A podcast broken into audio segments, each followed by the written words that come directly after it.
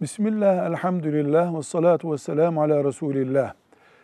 Kadının çarşıda alışveriş için bulunmasında bir sakınca var mı deniyor. Kadının gerek ticareti yapması ve gerekse evinin ihtiyacını karşılaması, bunun içinde markete gitmesi herhangi bir şekilde yasak olamaz. Dinimizin böyle bir maddesi yoktur. Böyle bir yasağı yoktur. Ancak bugünkü çarşılar, bugünkü alışveriş merkezleri kadın için büyük bir risk oluşturuyor.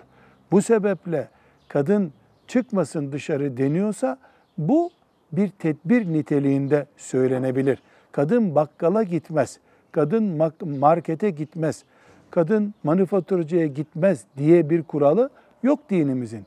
Kadın evde de sokakta da evin şartlarına göre ve sokağın şartlarına göre mahremiyetini korur denir.